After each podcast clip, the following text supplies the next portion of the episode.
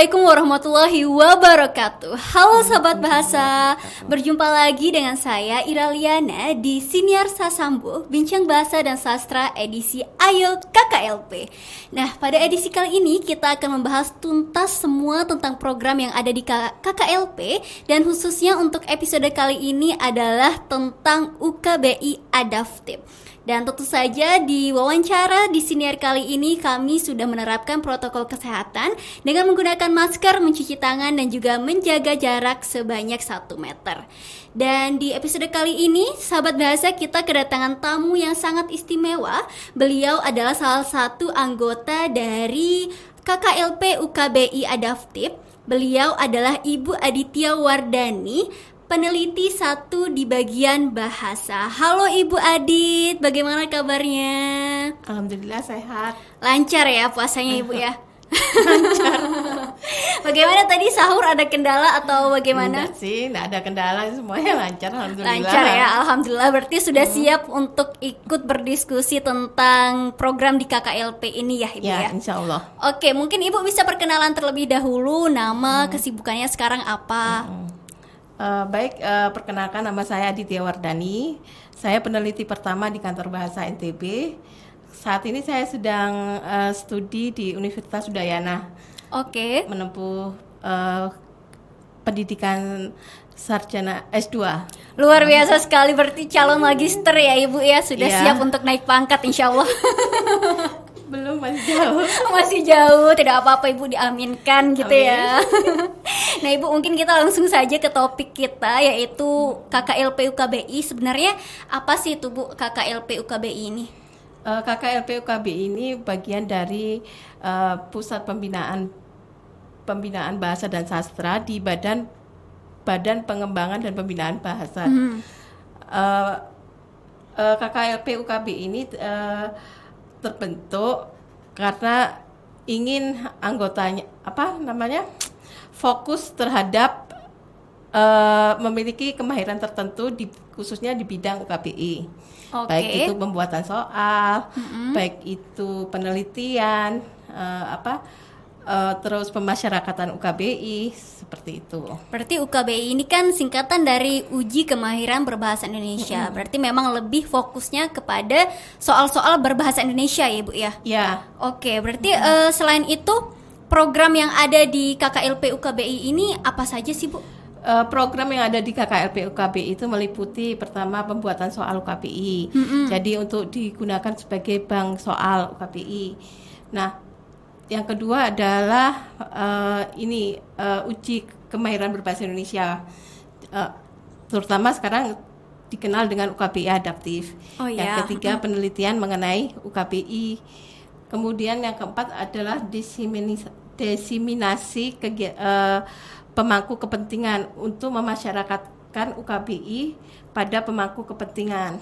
Oke, okay, berarti memang uh, ada banyak sekali programnya hmm. di KKLP UKBI ini, tapi yang sedang digencar-gencarkan itu kan UKBI adaptif ya Bu itu ya. Hmm. Uh, kalau tidak salah sebelumnya itu sudah ada tes tulis UKBI, namun yang memakai kertas Ibu. Nah bedanya hmm. sama UKBI adaptif dan UKBI sebelumnya itu bagaimana? Uh, kalau UKBI berbasis kertas dan pensil, uh, berarti medianya itu berupa buku uji berupa buku uji dan uh, ketika mengerjakan soalnya menggunakan lembar jawab komputer dan menggunakan pensil. Oke. Okay. Ya. Kemudian kalau UKBI adaptif ini dia uh, medianya sudah online secara daring. Jadi uh, siapa pun bisa mendaftar untuk mengikuti UKBI adaptif ini, uh, baik itu secara mandiri di rumah, di sekolah ataupun bersama-sama di kelas. Oh, hmm. berarti ini jauh lebih mudah ya untuk hmm. akses medianya. Hanya perlu hmm. mungkin akses internet sama media komputer tadi itu ya, ya Bu ya. Betul. Dan semua soalnya kita jawab melalui daring. Ya.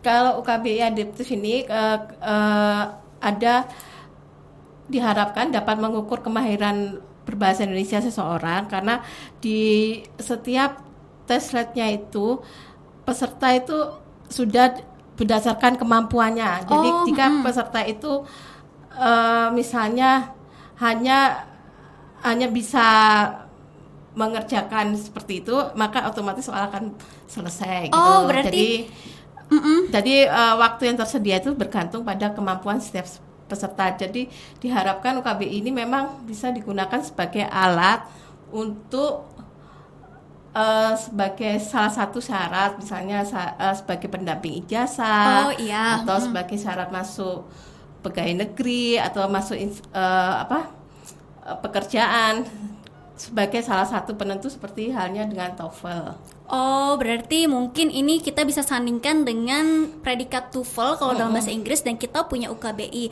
Tapi memang apakah yang tadi contoh-contoh yang Ibu sebutkan tadi seperti syarat untuk PNS atau segala macamnya itu memang mengharuskan ada UKBI atau tidak atau belum ada bagaimana itu, Bu? Kalau saat ini, kalau di Badan Bahasa, memang kita sebelum jadi PNS Badan Bahasa harus tetap eh, seleksinya menggunakan UKBI. Duta Bahasa juga menggunakan Ya. eh, UKBI. Eh, untuk yang pegawai, kalau yang di Mataram masih belum ada yang digunakan sebagai syarat. Tetapi di daerah lain di Jakarta sudah, misalnya Pertamina itu tes syarat tes masuk Pertamina sudah menggunakan UKBI. Oke, berarti memang belum semua sektor pekerjaan menggunakan tes UKBI Dan- sebagai sektor pendampingnya ya, Bu Ya, ya? dan itu tugas kita untuk membuat kebijakan, menyosialisasikan. Iya betul sekali ya bu. Nah kalau tadi ibu sudah menyebutkan manfaatnya yang tadi mungkin sebagai pendamping dokumen, Eh, ibu kalau dari eh, apa namanya tuh sasarannya sebenarnya UKBI adaptif ini menyasar siapa sih? UKBI adaptif ini eh, di apa untuk pes- eh, penutur jati Indonesia atau bisa juga dengan WNA. Jadi baik dari siapa pun itu bisa mengikuti tes UKBI. Jadi Oke, baik penutur jati maupun penutur warga negara asing. Jadi apa eh, batasan usianya eh, mungkin dari SD sampai SMP, SMA, mahasiswa, eh, guru, dosen, bahkan profe- eh, tenaga profesi yang lain, peneliti dan lain-lain itu bisa mengikuti KPI. Oke, berarti memang eh, semuanya bisa mengikuti UKBI. Tapi Ibu, eh, sekarang kan sedang gencar-gencarnya diadakan sosialisasi atau uji coba UKBI adaptif ke anak-anak SMA. Nah, selain untuk mengetahui mungkin bagaimana eh, sejauh apa tingkat kebagusan dari UKBI ini, sebenarnya manfaat tersendiri untuk anak SMA nanti setelah mereka eh, melaksanakan UKBI itu apa sih, Bu? Eh, karena kan di eh, itu akan nanti bisa mengukur kemahiran dia dalam berbahasa Indonesia. Kan UKB ini terdiri atas lima seksi. Seksi pertama mendengarkan, seksi kedua merespon kaidan, seksi ketiga membaca, keempat menulis, dan kelima berbicara. Eh, kalau eh, saat ini kejar-kejarnya diadakan giat UKBI yang dicanangkan oleh Menteri Pendidikan pada tanggal 29 kemarin, 29 Januari 2021 baru kan? Iya. Eh, ini eh, tujuannya agar bisa nantinya eh, giat UKB ini bi- eh, bisa sebagai eh, syarat pendamping kelulusan eh, sekolah. Jadi Oke. sedang diusahakan, sedang digodok oleh Badan Bahasa diusahakan ba- eh, untuk UKBI sebagai syarat kelulusan sekolah itu pendamping Oh, oh iya ya, berarti ini kan merupakan salah satu program unggulan juga yang mendukung program Merdeka Belajar dari Mas Menteri Nadiem ya Iya, Ibu ya. Nah, itu eh, bagaimana sih cara untuk membuat program ini menyebar lebih luas gitu Ibu? Eh, caranya kita menyosialis- menyosialisasikan kepada pemangku kepentingan, terutama di sini dinas pendidikan, mungkin kepada gubernur NTB, misalnya wali kota Mataram dan lain-lain, Eh, agar bisa eh, lebih mengetahui tentang UKBI lebih luas. Kemudian s- sasaran yang utama mungkin kepada guru-guru dulu, guru-guru agar bis- eh, bisa memahami apa itu UKBI atau kalau kalau perlu bisa silakan mengikuti UKBI. kita uji Iya, dulu iya, benar, kemahiran benar, Bu. kita gitu. Eh, dan Memartabatkan bahasa Indonesia sebenarnya. Iya, Eh, betul. gerakan langkah kecil untuk memartabatkan bahasa Indonesia. Iya, luar biasa sekali Ibu. Ibu, saya ini agak penasaran kalau tadi Ibu berkata ini bisa eh, diusahakan sebagai pendamping kelulusan. Nah, Ibu bagaimana pendapat Ibu ketika eh, banyak sekali program beasiswa Indonesia yang menawarkan kepada warga negara asing tapi mereka tidak mengharuskan WNA itu bisa atau melewati tes UKBI, Ibu. Itu bagaimana? Eh, itu kan eh, sangat disayangkan karena kan kalau kita yang pergi ke luar negeri kita kan harus membutuhkan tes TOEFL. Iya, betul. Nah, eh, ini sedang diupay- diupayakan eh, jika pegawai eh, warga negara asing datang ke Indonesia juga harus memiliki eh, hasil tes UKBI sedang diupayakan. Oke, Untuk berarti sedang diupayakan, Ibu. Dengan Menteri Ketenagakerjaan. Mm-mm, iya, Iya. karena menurut saya juga itu sangat-sangat ini ya Bu ya, sangat ironis gitu ya Bu ya, karena kita Iya. ke luar negeri harus memakai TOEFL, tapi mereka dengan gampangnya bisa bersekolah, berkuliah di sini tanpa tes UKBI itu tadi ya Ibu ya. Iya, betul. Nah Ibu, kalau mereka teman-teman di luar sana, sahabat bahasa mau mendaftar itu bagaimana sih caranya? Eh, jika eh, mendaftar eh, silakan hubungi kantor bahasa NTB pertama. Kemudian eh, bisa secara ada dua. Kalau itu instansi instansi pemerintah atau instansi swasta bisa men- eh, menghubungi kantor bahasa NTB kemudian menentukan jumlah pesertanya berapa kapasitas. Kalau dalam kalau dulu kapasitas UKBI berbasis kertas dan pensil itu hanya satu ruangan itu 20 orang sedangkan kalau yang UKBI adaptif ini eh, satu hari bisa 1.500 Wow, orang. lebih banyak ya Bu ya. Iya. Hmm, bisa berapa kali lipat itu? Eh, waktu ujinya pun juga beragam. Jadi ketika sudah eh, diten- eh, mendaftar pada laman ukbi .kemdikbud.go.id itu eh, s- bisa memilih jadwal uji sendiri, bisa menentukan waktu uji sendiri. Jadi di situ eh, memilih bulan apa, terus kemudian pekan keberapa, kemudian eh, pelaksanaannya pukul berapa? Pelaksanaannya mulai pukul 8 sampai pukul 10 malam. Berarti memang lebih sangat-sangat fleksibel ya Bu untuk UKBI Adaptif yang terbaru ini. Dan untuk eh, pendaftaran pembiayaannya itu seperti apa Bu? Pembiayaannya sudah diatur dalam PNBP. Eh, kalau untuk pelajar saat ini pelajar untuk SMP, SMA, SMK sederajat itu gratis. Oke. Ke- untuk mahasiswa itu 135.000.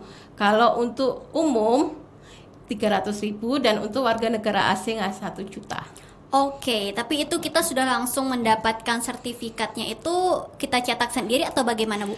Ya, karena di laman UKB itu kan eh, peserta bisa menentukan dia mau mengikuti eh, paket ujian soal yang bagaimana. Di situ ada di laman di aplikasi laman UKB itu terdapat tiga paket soal. Yang pertama paket satu itu terdiri atas seksi 1, 2 dan 3 itu otomatis nanti hasil dan sertifikat langsung keluar. Kemudian paket 2, sat- seksi 1, 2, 3 dan 4 karena dia ada seksi 4 karena menulis itu membutuhkan koreksi jadi hasilnya akan keluar kurang lebih dua minggu. Kemu- Oke. Kemudian paket ketiga seksi 1, 2 dan 3, 4, 5 karena ada eh, kemahiran menulis dan berbicara juga membutuhkan koreksi itu waktunya paling lambat dua minggu keluar. Oke, berarti memang ada yang cuma 3, 4 dan 5 seperti kemampuan dari UKBI itu ya, Bu ya. Oke, luar biasa sekali Ibu. Eh, mohon maaf karena waktu kita sangat singkat dan terbatas. Jadi kita cukupkan sampai di sini ya, Ibu ya. Terima Ya, kasih terima sekali. kasih. nah, untuk sahabat bahasa yang mungkin tadinya masih bingung gitu ya, apa sih UKBI Adaptif ini bagaimana cara mendaftarnya? Semoga informasi tadi yang telah disampaikan oleh Ibu Adit dapat menjawab kebingungan dari teman-teman sekalian. Dan jangan lupa untuk ikut mendaftar kalau kamu merasa kamu ini Ya teman-teman ya punya kemampuan berbahasa Indonesia yang cukup mahir, baik atau sangat fasih. Coba dulu tes UKBI-nya, siapa tahu nanti agak kurang gitu atau kayak gimana skornya kan nggak tahu ya Nah, sahabat bahasa, seperti biasa di setiap episode kita punya kuis yang dapat diikuti oleh sahabat bahasa dan kalau kamu bisa menjawab pertanyaannya, kamu bisa mendapatkan satu, oh bukan satu, uh, hadiah pulsa sebesar 100 ribu untuk dua pemenang. Jadi silakan jawab pertanyaannya yang ada di sini.